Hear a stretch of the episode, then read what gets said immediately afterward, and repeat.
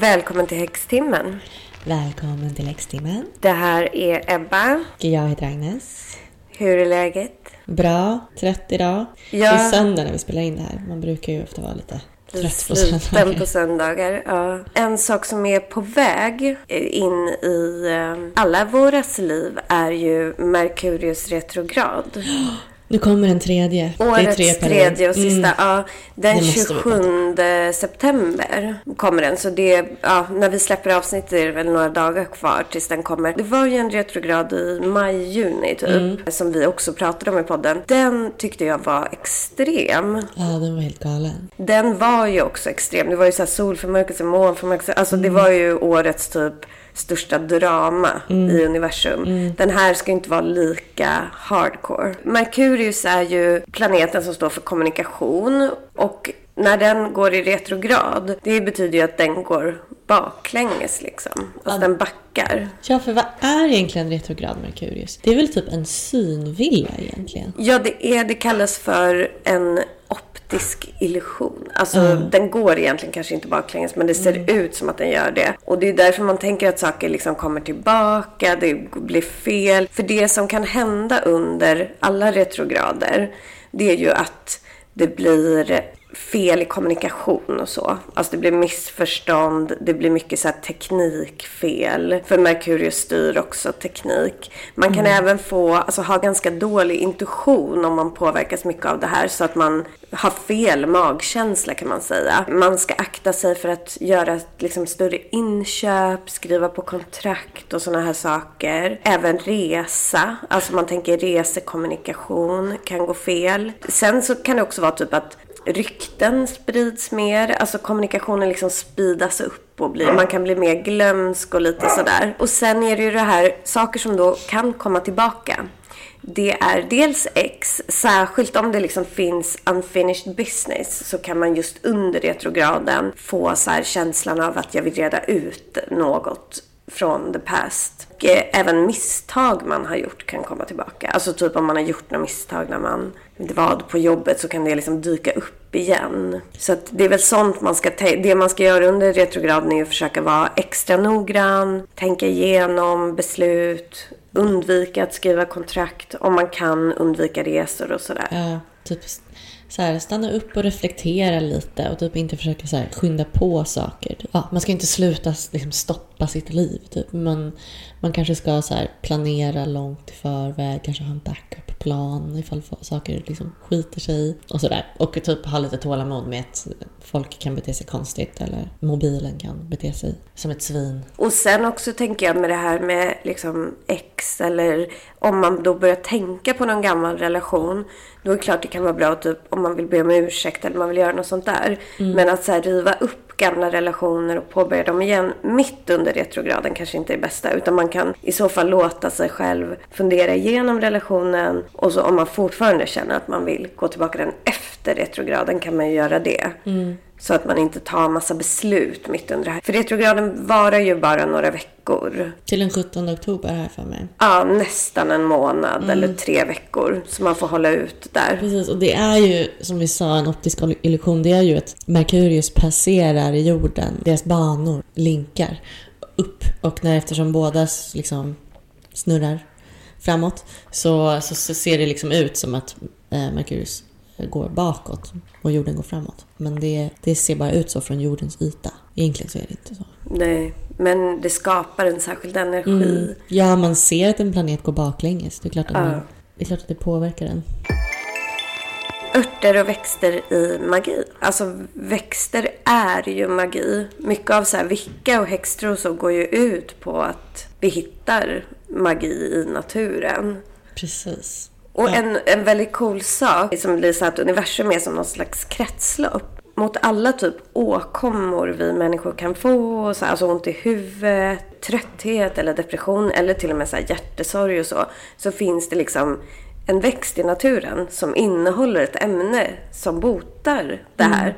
Eller lindrar eller botar. Så vi är liksom så himla så sammanlänkade. Vi är som att ja, växterna och vi är skapade ihop på något sätt. Ja, och vi lever på dem och de lever på oss ju. Det är som ett kretslopp. Det är så fint. Och det är ju typ någonting sånt där, jag har inte procentsatsen i huvudet, men det är, en, det är en väldigt liten procent av jordens växter som är ens utforskade av mm. människan. Alla växter har olika, de har de här läkande egenskaperna, men de kan också ha då magiska egenskaper för kärlek, för eh, beskydd och så vidare. Mm. Och de används ju, alltså mycket hur man använder örter i magi det kan ju vara i ritualer för att förstärka något. Om man till exempel vill göra en ritual för att dra till sig kärlek så använder man ju en växt som har de egenskaperna. Och då är det ju mycket man tänker så här, med kärlek tänker man ju mycket typ ros och vanilj och den typen. Men sen kan man ju även använda örter i magi genom att kanske lägga dem i såna här drömpåsar. Man kan göra amuletter växter med växtdelar i. Man kan göra rökelse, alltså då man bränner växterna på rökelsekol. Man kan dricka som te eller göra liksom avkok eller så. Eller hänga upp dem i hemmet i torkad form. Jag kommer ihåg min allra första liksom, erfarenhet som häxa var ju när jag var typ 11. Då så lånade jag en bok i skolbiblioteket som hette typ Häxans handbok eller något. Och jag läste den och lärde mig då om... Det var en väldigt stor upplevelse för mig att läsa den här boken. För innan hade jag mycket liksom lekt att jag var häxa. Jag var väldigt dragen till så här okulta saker. Men jag trodde bara att det var på låtsas. Så att när jag hittade den här boken blev jag liksom väldigt så här, oj, typ magi finns på riktigt. Och då var det just mycket som jag fastnade vid utöver så här månens faser och så var just de olika växterna och vad de hade för betydelse. Och jag kommer ihåg det för då var det bland annat ek var bra att ha på trädgården. Och vi hade en stor ek på min trädgård som jag alltid känt mig rätt så nära den eken. Alltså jag har alltid känt beskyddad den eken. Och det var rätt mycket snack om den för våra grannar ville ibland så hugga ner den för att den skymde sol. Mm, ja, men, vet. Ja, och den var typ Det är så himla konstigt. Man bara, det är fantastiskt att titta på ett träd. Varför vill alla hugga ner träd för att titta på sånt som är bakom trädet? Ja, det är jättestörigt. Alltså, jag vill titta på träden. Eller hur? Men, nej, men och sen skulle man även ha en en, enligt den här boken då, alltså på trädgården, som beskydd. Det beskyddar mot ondska och mot intrång och sådär. Sen skulle man gärna ha fläder i trädgården för att ha kärleksfullt hem och ha kärlek så. Och eh, det var roligt för att jag kommer ihåg att jag liksom kontrollerade. och Vi hade alla de här. Vi hade den här eken, vi hade enen vid ytterdörren, vi hade fläder och så. Så jag var väldigt nöjd över det. Men jag fastnade väldigt mycket för örter och växter redan då. Sen är tyvärr inte jag jättebra på att odla. Jag jätte, tycker det är fantastiskt med folk som är duktiga på det. För att det blir ju något särskilt. Man ska ju tänka på det när man använder växter i magi. Att går man och köper en så här tulpan liksom på ICA eller en besprutad ros som har så här massuppfötts på en blomsterhandel så har ju den inte samma kraft som en växt som har liksom fötts upp med kärlek mm. eller sådär. Det, märk, det känner man ju bara på doften. Att den ser inte så glad ut heller. Men jag brukar tänka så om jag ska ha magi för att jag har många vändor i mitt liv försökt att liksom odla i stan. Det går inte så här jättebra. Men alltså, det, hör, det kanske skulle vara skillnad om jag hade liksom en trädgård. Men, men jag brukar köpa, tänka på att jag antingen då på min innergård i stan finns så jättehärliga rosor. Som, då kan man ju ta lite blad och så. Sen brukar jag åka till exempel här i Stockholm då till Rosendal och köpa växter. Alltså de har ju så självplock och så. För där är ju verkligen uppfött med så här, mm. ja, biodynamiskt dessutom som ju mm. mån, efter månfaser och allting. Men Just så att man försöker försöker tänka lite Typ samma, jag tänker att det är lite samma som man tänker med så här, de som äter kött. Då vissa vill ju då bara äta från djur som har liksom mm. gått fritt och sådär. Det är typ samma Precis. grej med växter får man tänka lite när man ska använda dem för magiskt bruk. Ja, exakt. Det, det är ju skillnad. Jag kommer ihåg min mormor, hon bodde i Vallentuna i Lindholmen, ett hus och hade en jättestor trädgård som bara var så helt vildvuxen. Och det var verkligen, och vi bodde också i hus liksom, och hade också en trädgård. Men när jag kom till mormors trädgård som kändes som att den hade varit där i flera hundra år. Och det var liksom en magisk känsla varje gång jag kom in där med typ jättegamla så här rosenbuskar som bara du mm. vet, så hänger och bladen så att trillar ner. Alltså, ja, det är fantastiskt. Det är så fantastiskt och man känner det där magiska. För det där har ju allting bara fått leva. Liksom, mormor har aldrig lyft en spade någonsin. Nej, nej. Så det har bara fått leva fritt. Och det, liksom, det känns. Apropå det, kommer du ihåg när du och jag var i Lissabon för typ jättehumor. Sex år eller någonting. Jag tror det är åtta år sedan. Ja, åtta år. Vi, och vi var i en så här, botanisk trädgård som var helt vildvuxen. Ja, just det. Den som var typ helt övergiven. Ja, för den, den var väldigt häftig, men den var ju övergiven. Det var ingen som liksom skötte växterna. Så vi såg ju bland annat sparris som var som långa... Ja. Alltså det var typ fem meter långa sparris. Typ som grenar rakt upp ur marken. Ja, det Men var jättehäftigt. Det var verkligen mindfuck på det. Att man bara, jaha, så sparris växer så här. Ja, exakt. Så Så, så, konstigt. står- växer som bara jättelånga sparrisar. Ja. Jätte, jättespeciellt. Men, ja, nej, men trä, trädgård är ju så magisk och det tycker jag som sagt, det kände man ju verkligen när man var barn. Då kunde ju liksom en blomma vara magisk. Mycket av det där försvinner ju lite. Men, eh, men det kan man ju komma in i, särskilt om man känner lite så här magi till växterna. Och många, alltså, m- många tror jag tänker när man säger så här magiska växter att det ska vara så här jättekonstiga, alltså så här alruna och liksom sånt där. Och det är klart, det är också magiska växter. Men det finns ju jättemycket magi, så här persilja, rosmarin, alltså så här jättevanliga växter som vi har kan man ju använda magiskt. Precis. Vi ska ju prata om lavendel nu. Precis, vi ska prata om lavendel och malört. Precis, och jag bara tänkte apropå det du sa nu.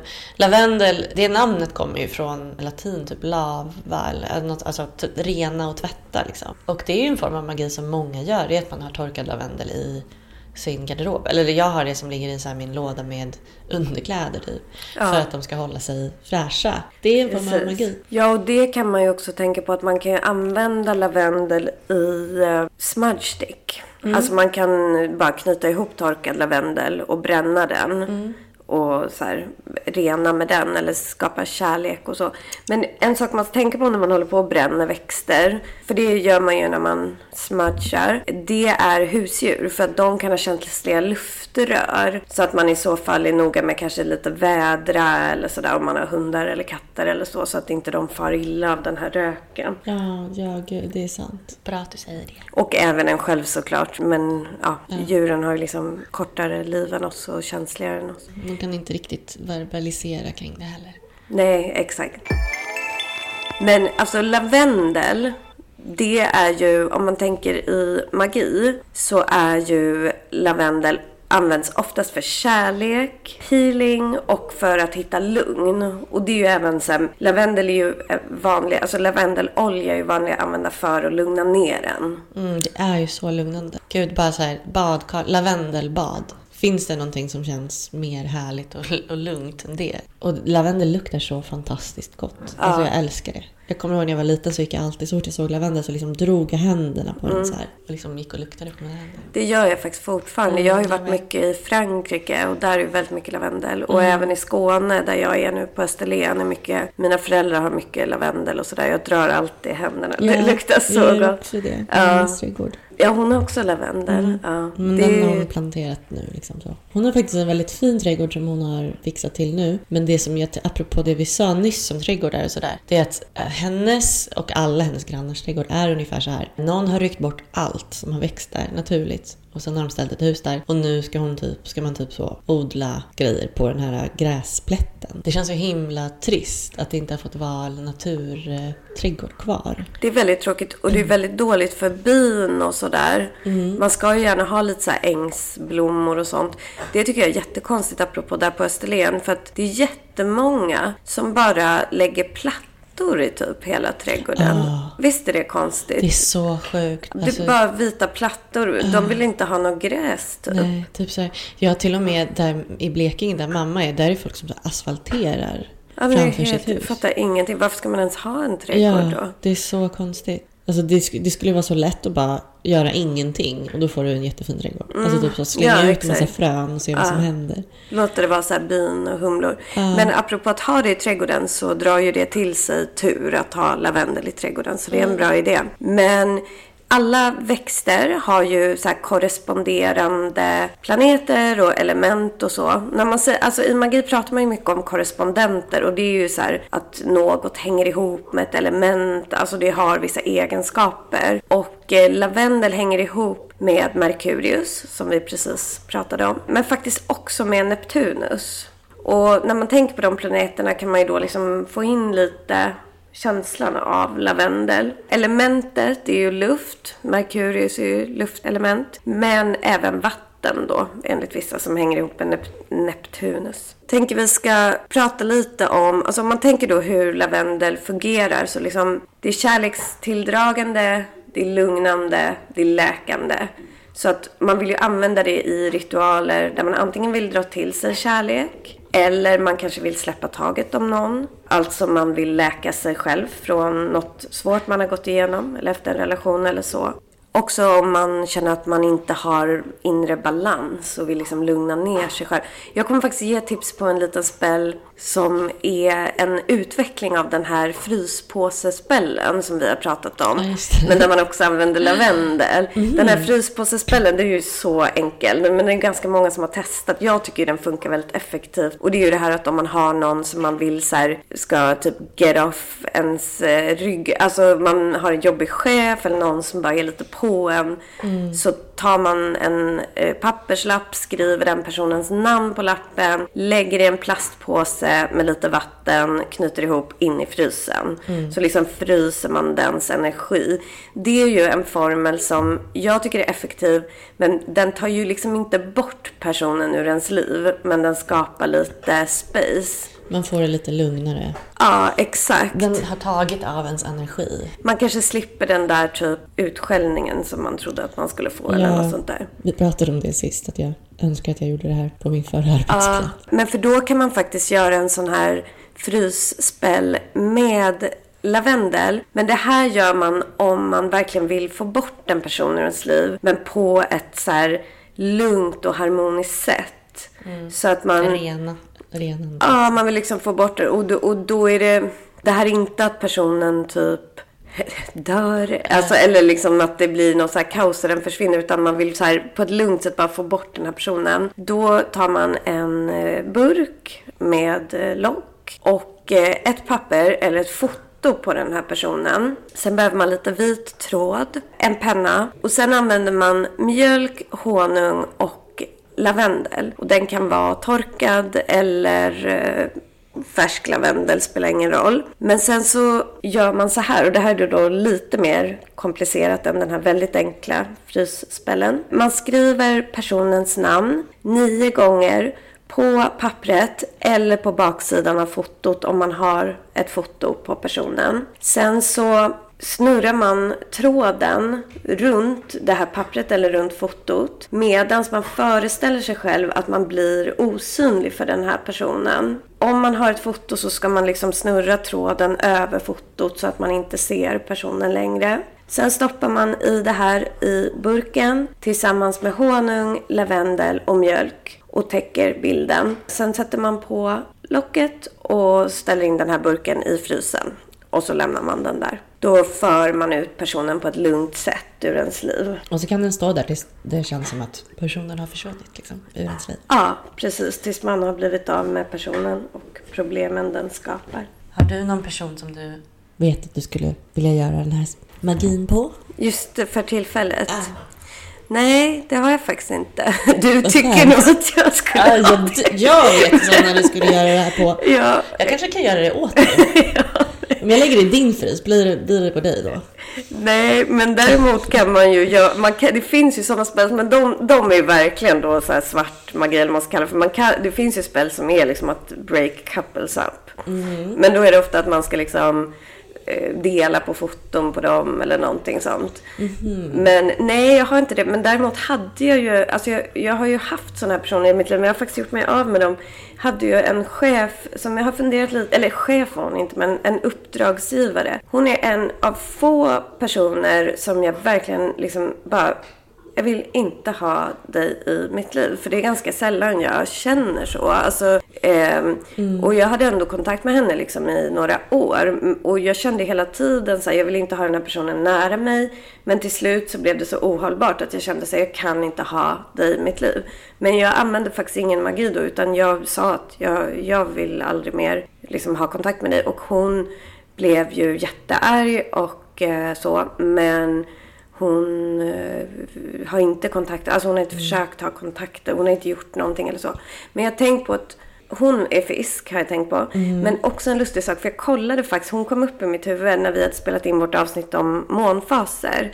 Och hon är alltså född på den här nedåtgående halvmåne som vi läste som ju nu, jag vill inte säga något elakt till någon, men den vi tyckte var så konstig, den personen. Alltså som var så här väldigt Alltså udda, har svårt med d- när det var så här halv på nedåtgående, samma som Oprah Winfrey. Ah, ja, det är en halv måne fast neråt. Ja, exakt. Då, då man skulle vara lite udda. Och det får jag ändå säga att hon är liksom. Har du någon person du skulle vilja bli av med? Som jag skulle göra det där på. Ja. Mm, nej, ingen... Alltså egentligen så är det kanske någonting jag skulle behöva göra på mig själv. För det är vissa personer som jag, som jag liksom inte har i mitt liv, men jag har i min hjärna. Alltså som dyker upp ibland, som man får obehagskänslor av och liksom bara huh. Eh, när man kommer att tänka på någonting den personen har gjort eller bara hur den är. Ehm, men då kanske man inte ska försöka, jag vet inte, det kanske känns onödigt att göra magi på, på dem för att man vill inte heller locka tillbaka dem på något sätt. Men man kanske skulle göra liksom, jag kanske skulle göra någon slags ritual så jag kan släppa dem ur min egen hjärna. Ja, det kan du ju verkligen Faktiskt. göra. Ja. För de finns inte i min närhet längre liksom fysiskt. Men det är som att jag känner av deras hemska energi. Ja. Eller jag önskar att jag hade gjort den här magin på dem då. Så jag kanske ja, skulle sluppit att ha dem i mitt liv så länge som jag hade. Men det är ingen som liksom är så här, som jag har i mitt liv som jag skulle vilja att den blev dämpade sig lite så. Ingen sån just nu. Det är ju skönt. Det är väldigt skönt, för det har inte jag heller. Och det har man ju då och då. Alltså så här personer som man verkligen inte mår bra av. Men jag kan inte säga att jag... Alltså, det är klart att jag har så här attachment som jag kanske inte mår så bra av. Men det är ingen som jag känner så här, alltså skada min energi. Eller ja, det kanske det är. Men jag vill ju att den personen ska göra det. Alltså... Ja, det är precis Alltså, därför det- jag är 100% emot den här personen. Det Gud, jag ska göra magi på, på den här eh, ja, killen. Ja. Jag har inte tänkt på det innan. Nej, men alltså... Men Eftersom du inte klarar av att göra det själv så får jag göra det åt dig. Men relationen blir liksom lite annorlunda för då är det ju någon man ändå tycker om. Men jag har gjort såna här ritualer när jag har gjort slut med folk. Alltså när jag behövt släppa taget om folk liksom. Då har jag gjort, inte just den här ritualen men liknande så här liksom när jag verkligen säger hej då och försöker så här klippa banden med den personen. Ska du göra det? Du kan göra det ikväll. Agnes kamp mot, mot killen. Ja, men alltså saker man kan göra. För lavendel är också väldigt bra för sömn. Det är ju många som, som sagt med aromaterapi. Alltså man kan ju ha så här, om man har svårt att sova kan man ju typ alltså andas in lite så här lavendel, eh, eterisk olja ja, av lavendel. Den är också bra i hudvård. Men det kan, Jag har lite lavendel här. Jag blir så... Jag blir så... den är från min mammas trädgård den som vi har här. Gud, nu, nu när vi pratar om lavendel då blir jag liksom lite tokig. Alltså jag, i att jag vill ha lavendel nu. Ja. Typ. Jag vill bara dränka mig själv i lavendel. En sak också som inte jag vet om det är sant. Men jag vet att lavendel funkar mot så här skadedjur. Typ Mm. mal och så lite. Men också en gång när jag var i New York så blev jag typ så lite lurad av en säljare att köpa en lavendelparfym. Mm. Och då sa hon att den bland annat höll myggen borta. Så jag var så här, men det är väl bra. Men det vet jag inte om den gör. För jag har inte märkt det liksom. Men jag har inte haft på mig den så mycket heller. Men det är också en grej att om man vill dra till sig män. Det är lite så här magisk ljus. Då kan man faktiskt ha lavendelparfym eller liksom göra egen med så här eterisk lavendelolja. Just män. Ja. Okej. Och- Kan man typ göra den här oljan ställa den någonstans? Man kan ställa den på en soptipp. Så alla män går dit. Det är ju perfekt. Jag kan tänka mig att män är väldigt så lättpåverkade av magi. Just för att Ja. de är så bara vandrar runt helt clueless i världen. Men De man måste, inte sig. Men eh, men man måste tänka också, måste jag säga, när man då sprayar på den här parfymen eller vad man har. Att man måste ju ha med intention i det. Man kan Ja, inte bara så här, oj jag har en parfym. Utan då måste man tänka liksom att nu ska jag dra till mig. nu blev jag väldigt orolig. För att jag har nämligen köpt en sån naturlig deodorant. Aha. som inte innehåller sån här äh, hemsk aluminium. Eh, och den är gjord på lavendel. Jaha. Så nu, nu kan jag tyvärr inte använda den. Nej, du kommer verkligen dra till Eh, det. jag får ge den till någon av, någon av mina killkompisar som gillar killar Ja. av någon konstig anledning. Ja, men exakt, exakt. Ja, Bra varn, tack för varning. Men, men, men lavendel ska väl hjälpa en att typ eh, få kontakt med andar och sådär. Ja. Vet, man, eftersom det har gör, jag för mig att man liksom förr att det var vanligt att man la lavendel bland de döda på en begravning eller den som har dött. För att den ska liksom kommunicera med den andra sidan. Så. Mm. Man kan ju också bränna lavendel på, som rökelse för att liksom förhöja sin eh, psychic, alltså andliga kontakt. Och jag tänker att vissa växter, eller örter och växter och så, drar ju till sig lite alla möjliga andar. Lavendel är ju en sån växt som drar till sig liksom positiva andar. Och faktiskt en del eh, älvor sägs det. Den kallades för typ så här älv bla bla bla någonting för väldigt länge sedan. De drar man ju gärna till sig. Ja, man vill ha positiva vibes. Hellre älvor än män. Ja, men bränd lavendel drar inte lika mycket till sig, men... Nej, skönt. Då är det den vi ska foka på helt enkelt. Jag, jag har faktiskt testat en drömrökelse som är helt fantastisk. Som jag vill rekommendera. Som, den är väldigt enkel. Det är att man bara tar torkade växtdelar. Och så tar man en halv del lavendel, en halv del rosor, en del lagerbär och en del ringblomma. Och så tillreder man rökelsen på en torsdag eller natten till en måndag. Man ska bränna det då precis före eh, läggdags. Gärna över glödande kol om det är möjligt. Och eh, då ska man... Det är en drömrökelse så då blir det sanddrömmar. Men där kan man, alltså med kol och det här, det finns ju så små brännkolsplattor. Som man kan köpa för rökelse. Så eh, tänder man eld på dem.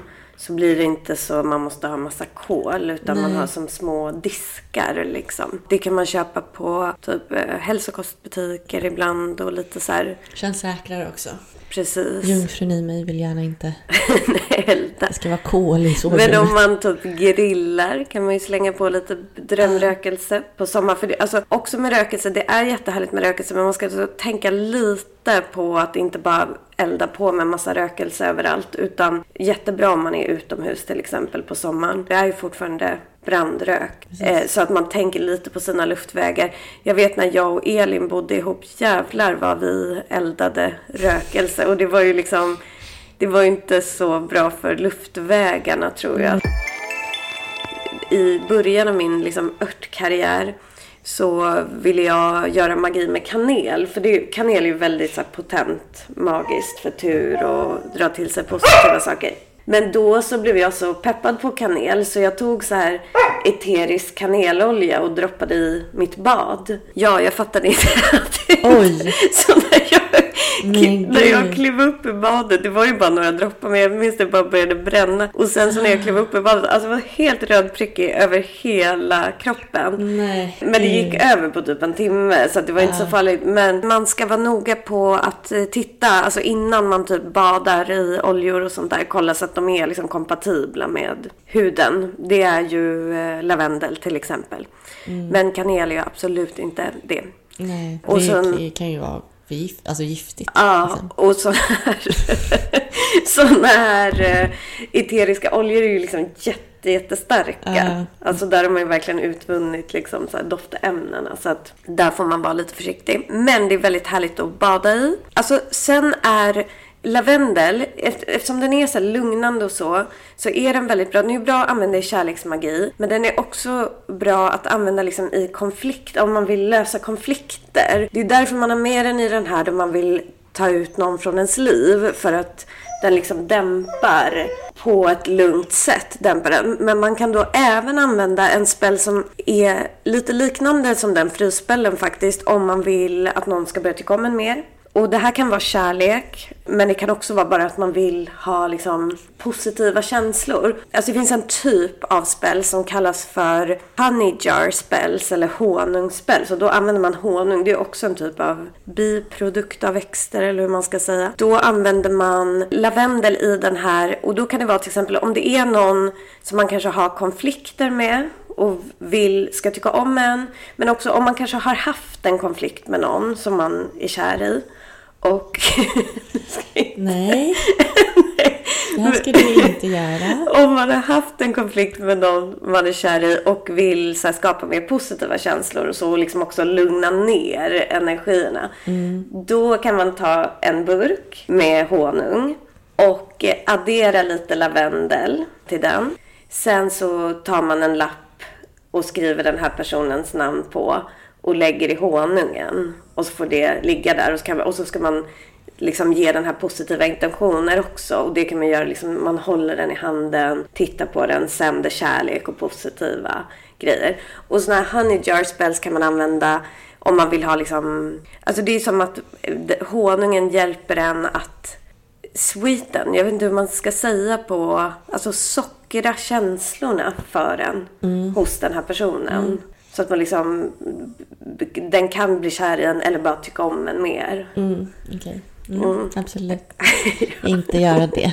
Jag tror jag tar med mig alla mandel och honung som jag har. Jag har jättemycket honung här hemma. Ja, den är min nu. Men en annan sak man kan göra med lavendel och en magisk om man vill göra en liten love spell. Och det här kan man göra om man vill bara dra till sig kärlek överlag liksom. Och det är ju det bästa egentligen i magi. Att inte fokusera på en specifik person som man vill ha utan man vill ha den kärleken som är bäst för en. För då om det är en specifik person man vill ha, om den är det bästa för en så kommer ju den. Men då kan man göra en liten så här påse eller amulett kan man kalla det eh, åt sig själv som man bär, antingen hänger hemma eller bär med sig. Och eh, då tar man en liten sån här tygpåse eller någonting i rosa eller röd färg. Under gärna en nymåne, när man jobbar med kärleksmagi, tilldragande magi, så ska man ju tänka på att månen gärna ska vara en nymåne, men den ska i alla fall vara uppåtgående måne. Alltså den ska inte vara efter fullmåne. Man kan jobba med fullmåne också, men helst nymåne eller fram till, fram till fullmånen. Och eh, gärna en fredag för att det är Afrodites och Venus dag. Då behöver man ett rosa ljus. Man behöver en skål. Man behöver papper och penna. Man behöver torkad lavendel. Torkade rosor. Och rosor och lavendel är en väldigt bra kombination. Och sen så behöver man lite rosenkvarts. En liten sten. Så skriver man ner på pappret vad man vill ha. Alltså att man vill ha kärlek till sig. Och då ska man tänka också på magi att man inte skriver jag vill ha kärlek utan man uttrycker som att man redan har det man önskar. För man befäster ju liksom att den här energin redan finns hos en. Så man skriver till exempel jag har en trygg och stabil kärlek i mitt liv eller en romantisk kärlek eller vad det är man önskar sig. Sen så blandar man Medans, jag glömde säga det, man tänder ju såklart det här rosa ljuset och använder det under ritualen medans man skriver. Och när man har skrivit så visualiserar man det här, vad det är för kärlek man vill ha. Och då, om man har svårt att se exakt framför sig bilder och så, så kan man känna känslan som man skulle känna om man hade den här kärleken. Sen så blandar man i skålen då rosor, lavendel och rosenkvarts.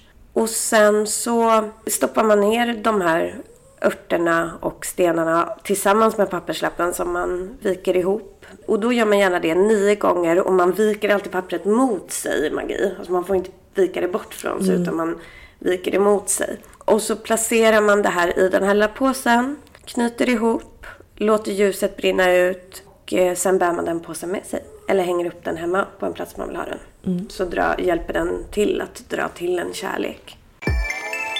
Jag kom på en härlig grej man kan göra också apropå så här drömmagi och så om man inte vill använda rökelse. Man kan också göra så här drömsalva och den här kan man faktiskt använda till barn också om de kanske har eh, mardrömmar eller så för det är lite beskydd i den och just lavendel är ju lugnande, tar bort rädslor eller hjälper till att lindra rädslor och mardrömmar och så. Man värmer eh, kokosnötsolja som ju blir, alltså kokosnötolja är ju fast form men när det blir varmt så blir det ju liksom som... Flytande. Ja, exakt. Och då, exakt. Och då värmer man det på spisen med torkad lavendel i. Eh, sen låter man det stelna så det blir som en liksom salva, lavendelsalva. Så kan man smörja in sig med den innan man ska sova. För mm. att få mm. liksom lugna och harmoniska drömmar och så. Gud, det låter jättehärligt. Men och sen så också bara ett tips med lavendel just för att det är så bra. Alltså det drar till goda andar och eh, är bra på att föra ut negativ energi. Så om man känner att man om man vill skydda sitt hem eller sitt jobb eller kontor eller vad man har mot eh, onda andar och så här dålig energi så kan man bara eh, ta torkad eller färsk lavendel och så här lägga det lite varstans innanför dörren och lite hörnen och sådär. Så drar det faktiskt till väldigt mycket positiv energi. Så att det är bra. En till sak man kan säga som lavendel är väldigt bra på är just i så här glamour spells. Och det är för när man ska känna sig lite extra snygg eller tilldragande. Eller om man ska gå på en fest och vill bara känna att man har lite så här härlig energi. Eller om man ska gå på en dejt eller vad som helst. Och där är lavendel en väldigt vanlig ingrediens. Vi kommer inte gå in på någon sån nu. Men, men det är en det är en bra ingrediens till det. Och som sagt det här med, med lavendelparfymen då. Ja, just det. Och männen. Just Samma lavendel, alltså ansiktsvatten. Det är ju det, alltså för det finns ju att köpa så här lavendelvatten. Det, är ju, alltså det, det har ju en effekt i sig att det är bra för huden. Men lägger man då in intentionen, då blir det ju liksom en, då, då blir det ju en magisk ritual. Ens hudvård kan ju vara en magisk ritual. Ja. Om man vill det. Det känns ju så ibland. Ja, så man har ju verkligen intention när man håller på med, eller ibland, inte varje dag, men när man håller på med huden. Och då använder man växter så förstärks ju ens intention av. Mm, av de, magin i växten. Ja, Man precis. kan göra eget sånt ansiktsvatten av lavendel. Om man, man kokar upp vatten och så lägger man i lavendel och eh, trollhassel. För trollhassel har en läkande effekt också på sår och så. Eh, så får man en, en väldigt naturlig och bra ansiktsvatten. Ja, härligt. Nu ska vi gå in på en växt som har ganska annan energi än lavendel. För lavendel är ju lite så här drömmig, lugnande, positiv, härlig. Nu ska vi prata om malört. Ja, den ändå känns liksom legendarisk. Den, det känns ju väldigt så här häx... eh, Den är ju väldigt legendarisk för den är ju bland annat... Gör man ju absint av malört. Och det finns ju väldigt mycket så om att fransmännen... Ja, alla poeter och Strindberg och alla drack det och blev helt galna liksom. Precis. Så det förbjöds ju. Mm, den heter woodworm också. Mm. Och Ja. det är ju, det, det, malört innehåller ju ett ämne som heter tujon. Som kan alltså orsaka förgiftning och, och sådär. Så att man ska ju verkligen vara försiktig med malört. Jag, jag drack faktiskt absint i höstas. Jag vet inte om det är äkta då eller liksom om de har tagit bort det här tujonämnet. Men jag drack det på en, jag var på en fest precis innan coronarestriktion, alltså innan det kom att man bara fick vara åtta eller vad det var, så var jag på en så här middagsbjudning. Och eh, då hade de absint som jag drack. Och jag tycker det är väldigt gott. Men då blev jag så här peppad, bara, Åh, jag vill sitta hemma och dricka absint. Men det är ju något konstigt för man vill vara typ som någon så här gammal. alltså. Precis, man vill tillhöra det Ja. legendariska dekadenta gänget. Men, jag, men alltså malört är ju också en väldigt magisk växt. Och den används till exempel i, alltså den är väldigt mycket, den kan också användas till kärleksmagi. Men den används väldigt mycket i så här bannlysande magi, skyddsmagi, drömmagi. Och den främjar verkligen kontakt med eh, andar. Malörten, den styrs av planeten Mars och dens element är luft och eld. Och varför den heter malört eh, och wormwood kan vi också säga, det är ju för att den skyddar mot skadedjur också. Mm. Man ska ha den i, sin, ja, i sitt eh, odlingsland utportionerad sådär. För att skydda sina växter. Men och sen är ju, alltså malört ökar ju clairvoyance. Den är jättebra att ha med sig vid eh, spådomar, vid all typ av framåtseende magi och vid astrala resor. Så att den och den är väldigt connectad till andevärlden. Men där kan jag känna med malört, alltså den är ju jättehärlig och jättemagisk. Men där får man inte lika mycket så här beskydd som med lavendel. Så att man kanske ska vara lite mer försiktig om man liksom gör någon typ av seans eller, eller tillkallar sig andar och använder malört. För att man kan till exempel bränna malört tillsammans med gråbo som också är väldigt så magisk. Det är ju ett typ av gräs som finns rätt mycket här i, i Sverige. Det kan man använda, alltså bränna som rökelse för att öka kontakten med andar. Så ska man göra någon typ av seans eller så. Vi ska göra det snart. Vi ska ju göra anden i glaset under en liten eh, grej vi ska ha. Då kanske vi ska bränna dem så vi får fram lite andar. Ja, det finns väl också en sån där klassiker att man ska hänga upp en kvist, ett knippe malört för att liksom lugna oroliga andar. Men då kanske det typ bättre med lavendel egentligen. Ja, alltså jag tänker att mal, fast malört är väldigt beskyddande på ett annat sätt än lavendel. Den är mer så här stay back typ. Alltså medan lavendel är mer lugnande i positiva energier. Så att man kan absolut, alltså vill man skydda sitt hem till exempel. Då kan man hänga upp malört, alltså hänga en kvist malört vid ytterdörren eller ovanpå ytterdörren. Jag tror det blir skillnad när man bränner örten. För då drar röken fram saker. just Men i torkad form så är det bra att ha den hängande hemma om man vill ha beskydd. Vi har ju faktiskt malört här. Jag ska kolla på den. Den ligger i en påse. Från Stockholms, Stockholms essenfabrik. Där brukar jag handla örter ibland, torkade örter. Den ligger på Kammakargatan eller om det är Wallingatan. Oj, Agnes drog in malörten och fick en nysattack. jag, jag lyftade bara lite och bara wow. Ja. Den ser ut som en klassisk krydda liksom. ja, och den är ju en brännvinskrydda. Alltså man använder den i brännvin. Ja, just det. Men, men malört är ju jättebra för att liksom öka ens... Alltså jobbar man med att få fram sina klärvoajanta förmågor och så, så är ju malört jättebra. Och man kan använda det bara att liksom... Det har vi pratat Jag har tipsat om den förut tror jag, men att man lägger ut malört på en plåt eller någonting och så drar man sitt finger, alltså med stängda ögon drar sitt vänsterfinger igenom och ser vad man får fram för symboler. Det är liksom ett sätt att öka sin egen intuition och sådär. Sen kan man också göra te på malört. Då får man ju vara lite försiktig med det här ämnet. Men inte ha så jättemycket och Mm. Precis, inte man dricka så mycket. Ja, men det kan man dricka innan man ska gå och lägga sig eh, för att få profetiska drömmar. Vill man inte dricka det så kan man istället smörja in sitt tredje öga med det här liksom avkoket av malört Mm. eller teet av malört. Och så kan man ju också ha det i en drömkudde. Och det är ju samma som när vi pratar om lavendel, att man gör en påse med olika örter som man kanske hänger över sängen eller har under kudden eller något för att få sanndrömmar. En sak som man också kan göra med malört, för att det är också, den drar också tur till en och så.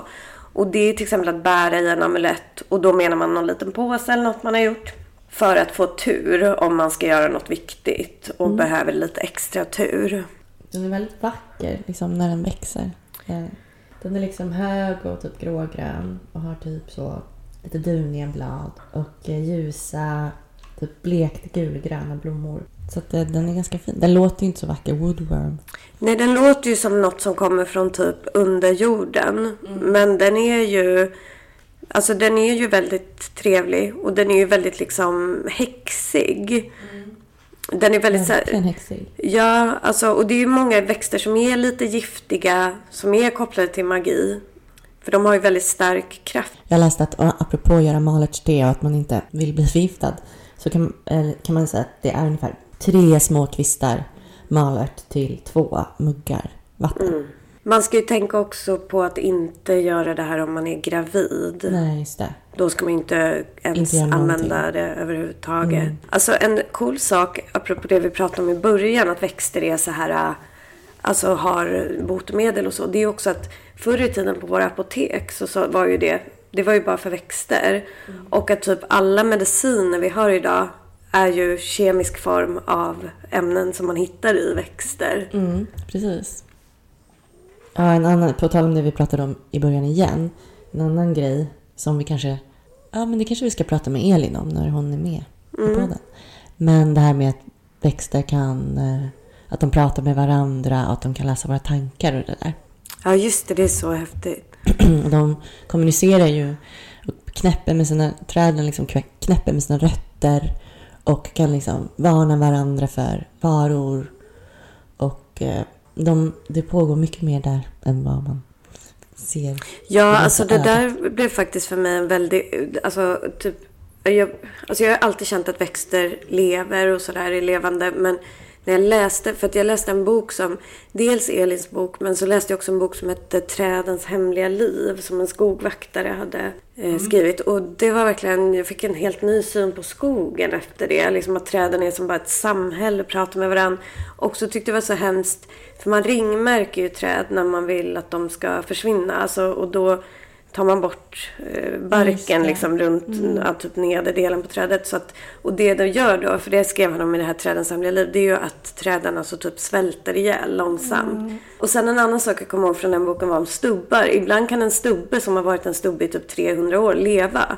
Och det är för att träden runt om ger den liv. Alltså de ger den konstgjord andning typ. Så de så för in klorofyll och allt så här. De vill ha kvar sin kompis. Gud vad fint. Ja, alltså det, det finns ju de här klassiska experimenten när man kopplar upp EKG eller vad det nu kan vara, längddetektorteknik på växter. Mm. Och utsätter dem för olika saker och ser hur de här spåren bara liksom studsar iväg. Typ att man ställde två växter bredvid varandra och så klippte man i den ena. Mm. Och då fick den andra liksom en panikångestattack. Att det bara så här, du vet på den här. Uh. Uh, och, att, och sen så uh, när de testade igen, då bara de plockade upp en sax så gick de, så far liksom de här, ja men de här, så far den här grafen bara upp i liksom, mm. du vet som att den fick panik. Och sen, det här kan man ju, det här var kanske inte helt så vetenskapligt eh, godkänd studie, men det var, en, det var faktiskt en eh, CIA, en polis på CIA som gjorde de här försöken just. Och då i slutändan när han bara tänkte på sin sax så gick de här um, grafen upp och växterna fick panik. Ja, det är ju helt sjukt. Mm, så de kan läsa våra tankar. Ja, verkligen. Nej, men eh, det finns ju så mycket växter. Det mm. finns så mycket man kan göra. Som sagt, jag tycker man ska tänka också på, för nu pratade vi så här malört, den, den är ju rätt vanlig, men den känns ju lite så här mysterious liksom. Men som sagt, man kan ju verkligen använda, alltså typ timjan, den är ju en väldigt så här kärleksväxt, typ mm. väldigt kopplad till Venus och sådär. Man kan eh, använda, ja men persilja också, så här positiv energi och sånt här. Så att man kan ju verkligen använda också helt vanliga köksväxter. Ett tips om man känner att man behöver läka sig själv också med en annan växt man kan använda. Alltså om man är kanske hjärtesorg eller ledsen eller något sånt där.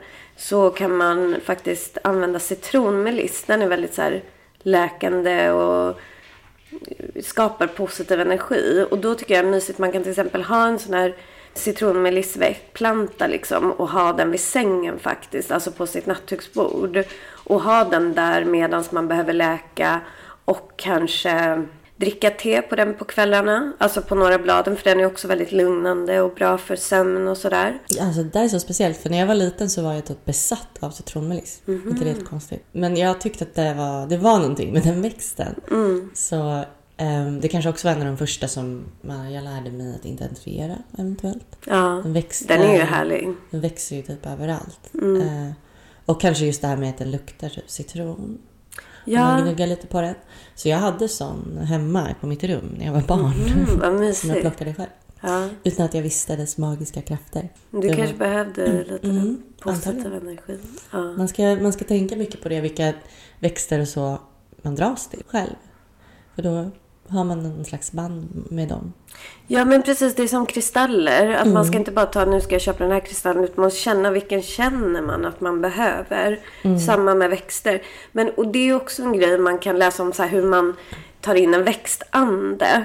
Och då, alltså då lär man ju sig helt att använda den växten och sådär. Och det kan ju ske på väldigt extremt sätt. Alltså när man gör det på riktigt ska det ju vara typ så här att man ska under en månad bara äta ris utan några kryddor och dricka så här, dekokter av den här växten och meditera. Men jag tänker att man kan göra det lite så light. Man behöver inte göra det så hardcore. Man kan typ under halvår eller en månad eller vad man vill lära känna en växt och till exempel dricka te på den, odla den, plocka den, äta mat på den, använda den i magi, lukta på den. Alltså sådär, bli kompis med en växt liksom.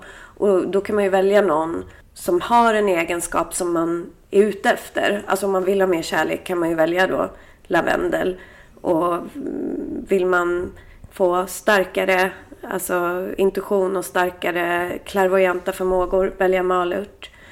Vill man eh, läka sig själv då kanske citronmelissa eller så. Vill man ha pengar och tur, basilika. det är ju, står ju för mycket så pengar och, och tur framförallt. Det kan man också tänka på om man ska göra, behöver tur, typ skapa något viktigt möte. Då kan man ju som sagt ha med sig malört i en påse eller kanske lite basilika. Det kanske är lättare att få tag på en kvist. Man kan äta en god caprese det. Exakt, ja. Ja, men eh, då kanske vi börjar bli klara för dagen. Ja, Vi hörs igen nästa vecka. Då vi ska faktiskt prata om eh, karmiska relationer. Mm. Och twin flames och soulmates. Mm. Och vad som är skillnaden. Det ska bli så spännande. ja verkligen. Jag tror ju att jag har rätt mycket karmiska relationer. Jag har, tror inte jag har träffat någon twin flame eller så. Det har du inte gjort. Nej, inte I alla fall inte Jag kanske har gjort det just nu. Nej, absolut inte. Nej. Nej, men eh, det ska bli jättekul att fördjupa Ja. sig i. Ja, verkligen. Mm, det ska bli mycket kul. Mm. Men då får alla ha det så bra. Så Ja. hörs och ses på Instagram. Ja, ha det så Och- bra. Hej då! Puss, puss, hej. hej.